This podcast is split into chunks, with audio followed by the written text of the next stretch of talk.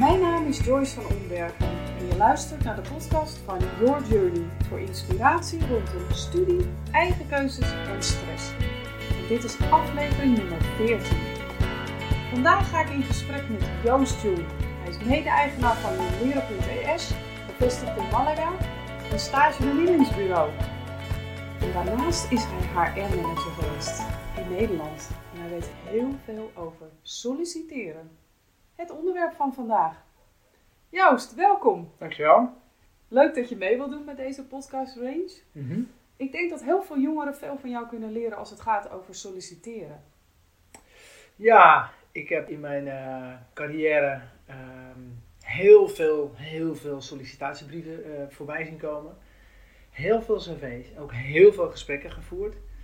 Misschien is het aardig dat ik kort vertel waar ik dan gewerkt heb. Ehm, ik heb bij Randstad gewerkt, waar ik sowieso natuurlijk heel veel eh, in gesprek ben geweest met mensen die baan zoeken.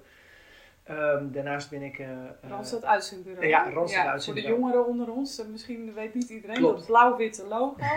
Het bedrijf wat zich richt op.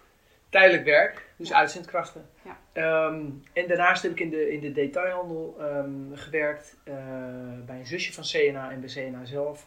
En daar heb ik ook heel veel sollicitatiegesprekken afgenomen. Ik heb wel eens uitgerekend dat ik in mijn leven zo, eh, zo'n 2000 sollicitatiegesprekken heb gevoerd. Dus ehm, 2000, ja, dat is best heel veel. dat zijn er veel. Ja, Ja. dat klopt. Dus nou ja, goed. Dus eh, ik, ik spreek met de expert, mogen we wel stellen. Ja, en daarnaast heb ik als docent natuurlijk ook eh, de nodige studenten geholpen eh, bij het solliciteren naar een stageplaats. Je bent ook docent geweest. Ja, klopt. Leuk. Kun je daar wat over vertellen? Is dat recent, na jouw werk als... Ja. eh, Ja, dus eerst heb ik eh, eh, in het bedrijfsleven gewerkt en daarna ben ik als eh, docent eh, aan de slag gegaan in het mbo-onderwijs, waar studenten natuurlijk eh, altijd ook een aantal stages eh, lopen. En ben ik ook verantwoordelijk geweest eh, voor de voorbereidingslessen zeg maar, op de stages. Nou ja, goed, en dan veel studenten maken zelf natuurlijk een cv en eh, laten het dan even checken. Ja, dan komen de meest leuke dingen kom je tegen. En ja, nu ben ik eh, eigenaar van een stage bemiddelingsbureau. Dus daar doen wij ook heel veel intakegesprekken, zoals wij dat noemen, met studenten. En ja, kijken we natuurlijk ook naar het cv. En eh, ja, dan vallen er dingen op. En dan ko- komen er ook een aantal dingen eh, terug waarvan ik zeg van, goh, dat was 15 jaar geleden anders. Dat, dus de wereld kijkt ook anders naar een cv. Ja, je noemde net al, ik heb heel veel sollicitatiebrieven ontvangen. Ja. En de jeugd zal nu misschien denken, brieven, eh, ik stuur een mailtje. Toch? Nou ja, ja dat gebeurt. Eh, maar vaak eh, gaat een cv wel ge- eh, begeleid met een motivatiebrief. Ja. En ja, dat is de een. Ja, die, die, die doet dat veel beter dan de ander, zeg maar. Sommigen doen het ook heel erg uitgebreid. Wij zien het ook bij ons nu als bemiddelingsbureau dat wij vaak een motivatiebrief krijgen van een student en een cv. En ehm, die motivatiebrief, ja, daar, daarin Hè, dus als je kijkt naar het verschil tussen een cv en een motivatiebrief, zeg ik altijd in, in je cv staan de feiten. Hè, dat zijn Ja. dingen waar je niet over kan discussiëren. Dat, zijn gewoon, dat is gewoon de rationele kant van, van jou. En eh, die motivatiebrief, dat is de emotionele kant van jou. Ja. Dat is wat je wil, wat je kunt, wat je denkt dat je goed kunt en, en, en waarom jij bij een bedrijf wil werken of een organisatie wil werken. Echt jouw motivatie. Mhm. En de kunst is dat je daar dus andere inhoud geeft dan in dat cv. Het moet juist geen Ja, het moet herhaling van zetten zijn. zijn. Ja, het moet echt iets, anders zijn. Ja. En daar mag je best je gevoel in leggen. En daar moet je, of best, daar moet je eigenlijk gewoon je gevoel in Mhm. leggen. Want je wil jezelf presenteren aan dat bedrijf. Waar, En- waar, waar let jij dan op? Want je, je geeft aan van je, je krijgt zoveel eh, cv's en motivatiebrieven, eh, nou dagelijks denk ik, Ja. zeker. Wat maakt nu dat een, eh, als we even ons richten op, nou laten we beginnen met een motivatiebrief. ja. Wat maakt iets een goede motivatiebrief? Nou ja, het aller, allerbelangrijkste in een motivatiebrief is dat je de aansluiting maakt naar de organisatie waar je solliciteert. En hoe doe je dat dan? Dat doe je niet door een, je zin te beginnen met: Ik ben Pietje Puk, Mhm. zoveel jaar oud, bla bla bla, ik studeer En ik dit. zoek een baan. Nee. Ehm, wat ook vaak te- tegenkomt, en op zich kan dat wel, van: Goh, ik kwam uw advertentie tegen of uw vacature tegen op die en die website. Mhm. Ehm, en vervolgens ga je jezelf dan voorstellen. Mag, als ik terug mag komen op dat ik ben, wat, wat is daar fout aan als je zo begint? Want heel veel jongeren eh, beginnen zo wel. Of hebben dat deels misschien zelfs op school geleerd. Ja, maar Krijgen we, hè, heb ik ook wel eens teruggehoord. ja, je begint dan eigenlijk al met de feiten die in je cv staan. Aha. Dus je begint al eigenlijk met informatie die Mhm. dubbel op is. Bovendien zet je onder een brief je handtekening en je naam. Ja. Dus het is heel duidelijk Het wie is je eigenlijk bent. een beetje... eh, Overbodig. Overbodig, ja. Het is puur overbodig. Dus, en wat zegt het over jou? Dat je geen moeite hebt gedaan om te investeren in een krachtige eerste zin. Ja. En dat is het. Dus maak gewoon die aansluiting. Maak eerst die aansluiting. Hoe ben je op het pad gekomen van het bedrijf? Ja. Of wat raakt jou in het bedrijf? En, en, en ja, laat daar enthousiasme in zien. Ja, en hoe kan een student, eh, want die kan dat misschien van zichzelf wel, wel weten, van ik heb interesse in dat bedrijf om die en die reden. Hoe kan hij die aansluiting zo goed mogelijk maken? Wat moet hij daarvoor doen, los van die brief schrijven? Je moet altijd investeren in kennis over het bedrijf. Ah, En op het moment dat jij ja, niemand kent binnen dat bedrijf, ja, dan moet je het doen met de informatie eh, die je vindt op internet bijvoorbeeld. mhm. Dus de- de website is natuurlijk heel makkelijk, maar eh, ja, het bedrijf heeft ook eh, misschien wel een Facebookpagina, een Instagram-account, een Mhm. LinkedIn-profiel. Misschien kom je in, op dat LinkedIn-profiel wel mensen tegen dat je denkt, hé, hey, die ken ik. ja, of via of- via, hè? Ja. En dan kan je je netwerk inschakelen om Ja. informatie te krijgen over dat bedrijf. LinkedIn is een hele goede. Ik denk dat daar bijna een aparte podcast aan eh, gewijd kan worden. Dus het wordt steeds belangrijker. Absoluut. Eh, Steeds meer studenten die daar ook een profiel op aanmaken, maar vaak van ja, het moet van school. Dus misschien is het niet handig om daar nu op in te gaan. Dat Nee. kunnen we wellicht op een ander moment beter doen. Ja, ja. En ons nog even richten op eh, motivatiebrieven en cv. Zijn er nog andere dingen binnen eh, de eh, motivatiebrief die belangrijk zijn voor studenten om te weten? Goede Ja. intro. Ja, ja wat, ik, wat, ik, ehm, wat ik zelf altijd, altijd ge- gezegd heb, ook tegen studenten, wat echt in die motivatiebrief moet zijn, staan, is één, zorgen dat je die aansluiting maakt met het bedrijf. Vertel wat jou drijft, wie ben jij, waar ben je goed in, wat vind je leuk, wat denk jij te kunnen leren bij dat bedrijf en wat denk je te kunnen toevoegen bij het bedrijf. Ja. En ja, waarom kan dat bedrijf niet om jou heen? Dat is eigenlijk hè, je, verkoop, Ja. je verkooppraatje. Je zet jezelf eigenlijk in de etalage. Ja. Ja. En ga dan niet denken van een motivatiebrief moet minimaal 200 woorden zijn of zo. Nee, het gaat niet om de kwantiteit. Het gaat om de inhoud die je daar neerzet. En En misschien juist niet. Hè? Nee. Ik kan me voorstellen, je bent druk bezet. Dus als jij eh 20 cv's per dag moet lezen, dat je geen zin hebt in ellenlange verhalen, Nee. epistels. Nee. eh, heb je helemaal geen tijd voor. Dus als jij een, brief scant, hè, want je scant ze eerst, of Mhm. dat is een aanname, doe je dat? Hoe, Ja. hoe, hoe, ki- hoe kijk je naar zo'n brief? Zo'n brief komt binnen, digitaal. eh, volgens mij bijna niet meer via de echte post. nee, nee, nee. Bijna alles via de mail inderdaad. En, oh, ja, alles gaat via de mail. Ehm, of via een, een, een, een formulier, dat kan natuurlijk ook nog. eh, dat je sollicitatieformulier hebt. Of video's, hè? gebeurt ook nog. Gebeurt ook wel weinig nog hoor. Ja, dat zijn sowieso wel, wel media die je kunt gebruiken. En kijk, wat je wilt is niet in een stapel terechtkomen Mhm. waarin iedereen maar de standaard eh, motivatiebrief eh, en, en cv heeft. Dus Dus als ik een, een, een student nu naast me zou hebben zitten en die zegt ik wil bij Joost werken. mhm. Ik, ik wil solliciteren. Hoe, hoe eh, krijgt hij jouw aandacht? nou, sowieso door ehm, iets te roepen over mijn bedrijf. En, Hmm. en aan te geven van, ja, ik word zo blij van jouw bedrijf. Ik wil daar iets leren en ik wil er iets brengen. En, ik, en ja, ik wil gewoon bij jou werken. En ik denk dat ik dit en dat en dat, dat kan toevoegen. Ja. Die ingrediënten die moeten er op een bepaalde manier in zitten. Dus het is echt andersom. Ja. Bedrijf, eigenlijk jouw bedrijf centraal stellen en daar eh, jezelf voor verkopen. Laten zien van dat, dat heb ik in huis om dus ook daar voor in aanmerking te komen. Kijk, En de meesten beginnen andersom. Die beginnen, ik, Ja. eh, kan dit en, ik zoek dit en dat, ik ben daar en daar goed in. Oh ja, ehm, misschien Ik- hebben ze dan ook nog wat onderzoek gedaan. Ik heb wel eens de vergelijking gemaakt van... ehm, het is alsof, alsof je een meisje moet versieren hè, als een jongen Mm. bent. En ja, je gaat niet naar het meisje toe. Hallo, ik ben eh, Joost, ik ben eh, eh, 18 jaar oud en eh, ik eh, woon daar en daar en ik studeer die en die. Nee, je gaat eerst het meisje een compliment maken. Mhm. En dat is eigenlijk wat je, wat je ook doet in die motivatiebrief. Ja. Dus je gaat even het bedrijf een compliment maken. Dan heb je de aandacht.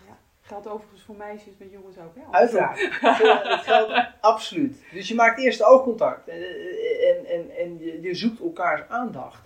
En dat moet je in zo'n motivatiebrief eigenlijk dus ook doen. En dat doe je alleen met woorden. Nou ja, of je gaat een video maken, dat kan. Precies. En, dus, en ja, veel studenten vinden het moeilijk om, om te variëren. En niet eens alleen studenten, dat vinden sowieso sollicitanten moeilijk. Maar dwing jezelf echt om je te verdiepen in het bedrijf. Want dan ga je een andere eh drive neerzetten en een andere motivatie neerzetten. Als dat je gewoon je standaard brief pakt. En dat, dat voel je als lezer. Zeker doorgewinterde HR-managers. Die prikken daar zo doorheen. Hoe belangrijk is taal? Ja, heel De- belangrijk. De Nederlandse taal. Heel belangrijk. En ehm, zeker, zeker voor jonge lui vind ik, eh, en die laten vaak hun cv of hun motivatiebrief ook nog wel checken door een docent of door een ouder. Blijf bij jezelf. En Mhm. het is, kijk, je wil het liefst geen spelfouten en stijlfouten maken. Maar dat is niet heel erg. Want het gaat om jouw authenticiteit.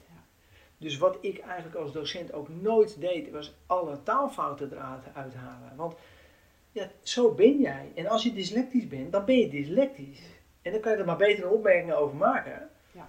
Want ja, op het moment dat jij dat verbloemt en het komt later eh, tot uiting, ja, dan heb je eigenlijk een vervelender verhaal dan dat, dat helemaal duidelijk is. Dan ga je er wel vanuit dat de student zijn best heeft gedaan hè, met de skills die hij heeft Ja. om de taal goed Ja. te, te benutten. Eh, ik kan me voorstellen dat er ook studenten te snel door de bocht gaan. En Mhm. eh, de, de- je hebt een spellingscontrole bijvoorbeeld standaard eh, in, je, Ja. in je tekstverwerkingsprogramma.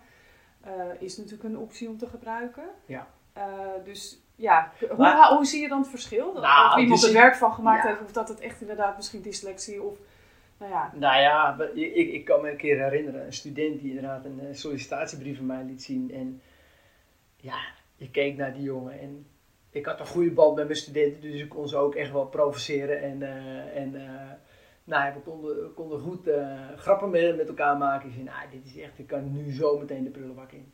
Oeps. Dit, dit, ben- dit is niet van jou. Nee. Dit ben jij helemaal niet. En het is echt, ik zeg, ik weet niet waar je het vandaan hebt, maar... Nou ja, hij zegt, ja meneer, ik heb gewoon allerlei dingen van internet bij elkaar geplakt en dat Ja. is het. Ja, ik zeg, maar dat voel je meteen. Ja, Dit ben jij niet. nee. En je wil jezelf verkopen. En de- daarin moet je gewoon eerlijk zijn. En ja, dat is dan misschien nu even een bruggetje naar het cv. Wat ik heel erg veel zie, is cv's zonder geboortedatum. Hmm.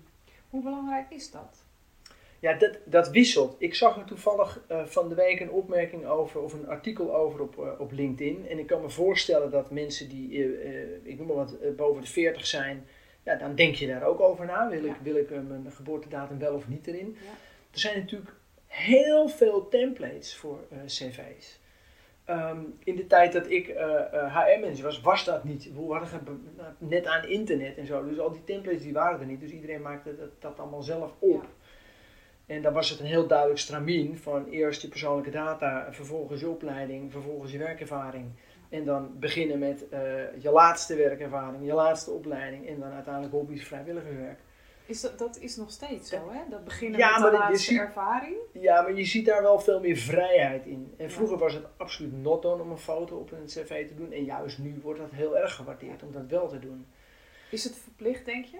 Nee, absoluut niet. En kijk, en dat is met die geboortedatum ook zo. De reden waarom veel templates het niet hebben, is puur om discriminatieredenen. Ja. Je wil niet gediscrimineerd worden op leeftijd. En ook niet discrimineren op leeftijd. Of is dat dan nog Nee, ook eh, niet. Maar dat zou eigenlijk hetzelfde argument moeten zijn om wel of geen foto eh, Ja. te doen. Want ja, ongetwijfeld worden er mensen afgewezen op hun foto. Als je toch een foto plaatst, ehm, waar moet je dan op letten? Nou ja, het is, kijk, doe geen rijbewijs of paspoortfoto. Doe het niet. Een Instagram-foto? Eh, Dat kan wel, maar je zult ehm, moeten nadenken weer. En dat, dat is weer eigenlijk waar we het net over hadden. Bij wat voor soort bedrijf of organisatie ga ik solliciteren? Is het eh, heel formeel? Is het informeel? Daar kun je rekening mee houden met wat voor foto je plaatst. Dus je zou theoretisch meerdere foto's van jezelf kunnen verzamelen om naar diverse bedrijven te Ja. kunnen gebruiken. Absoluut. Dus op het moment dat je een hotel bijvoorbeeld solliciteert, dat je even net een blouseje op de foto aan hebt. Ja. Ja. Ja, en, ik roep ook altijd, eh, doe niet eh, iets, nou ja, niet te veel een zomerkiekje. nou, je wil niet dat er discussie gaat ontstaan over, over jouw foto. Hè? Dus te sexy, eh, dat je denkt van nou, ik kom er wel heel erg goed uit op deze foto. Ja, doe je het gewoon echt niet.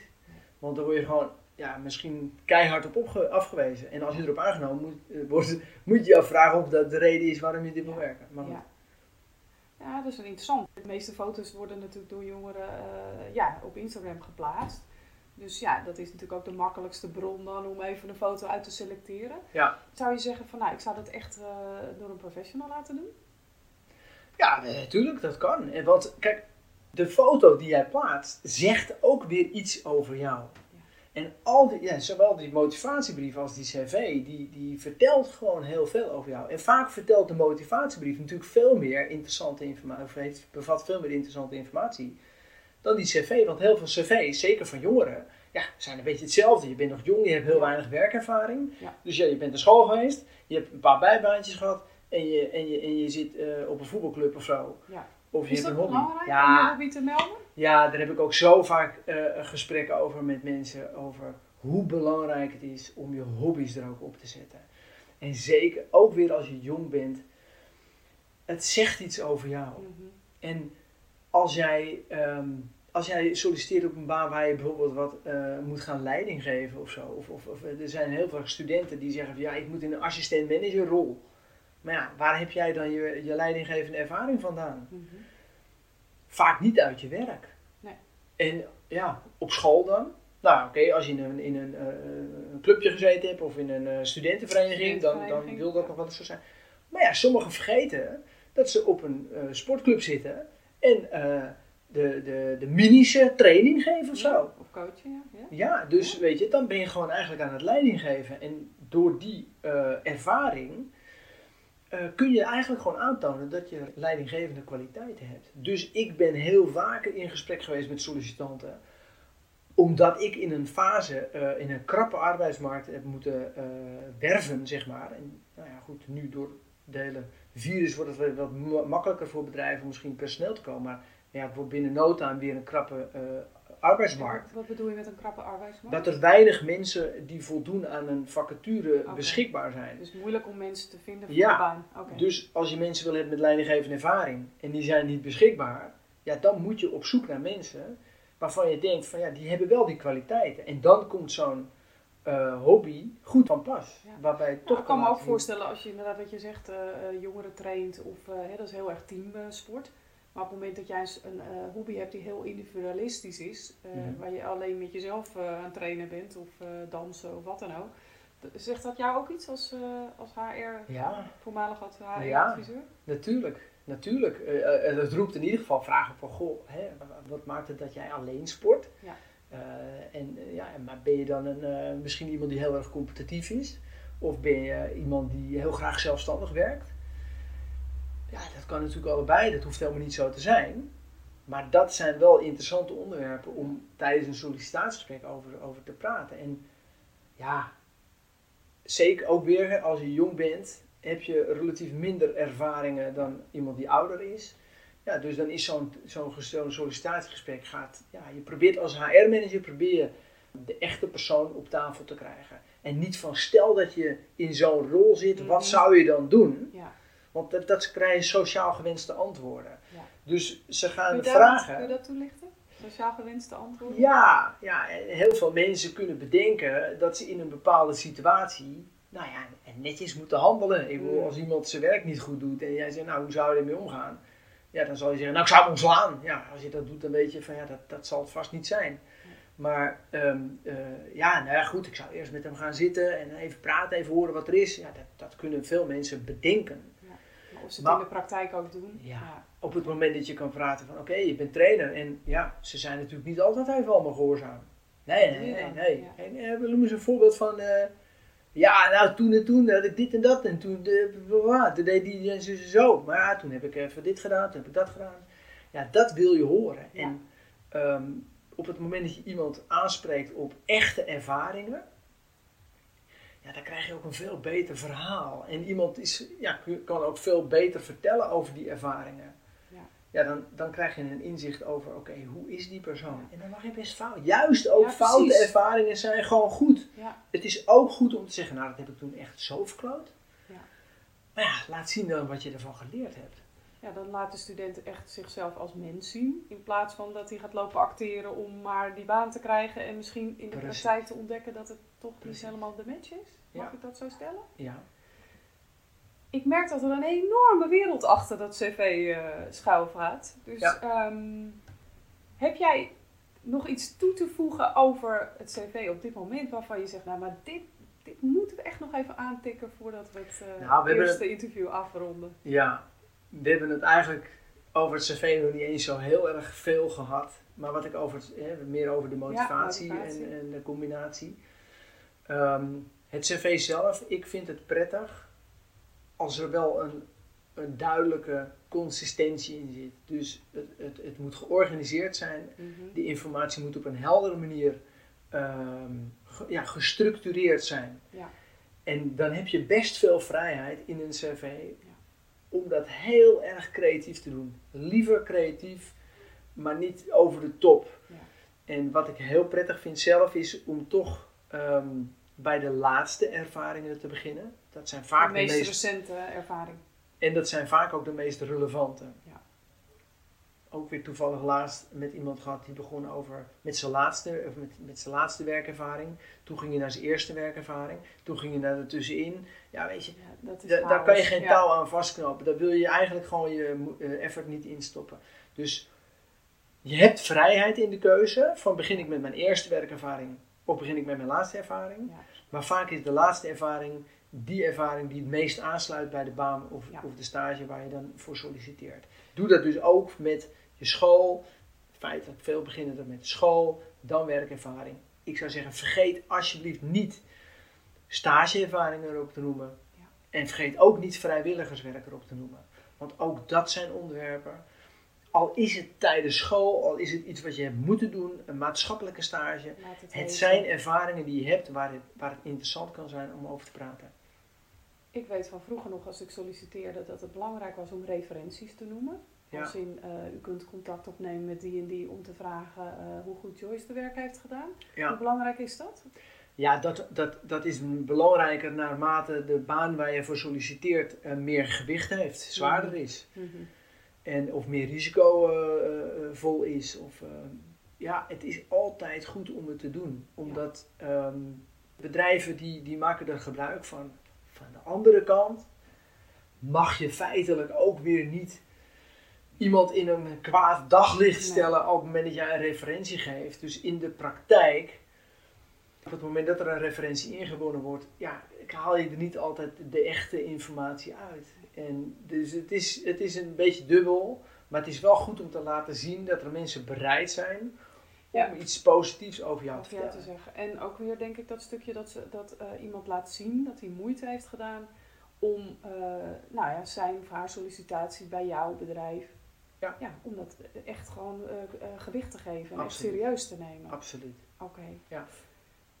Ik, we gaan eh, richting de afronding voor vandaag. Ja. Ehm, heb je nog een laatste tip?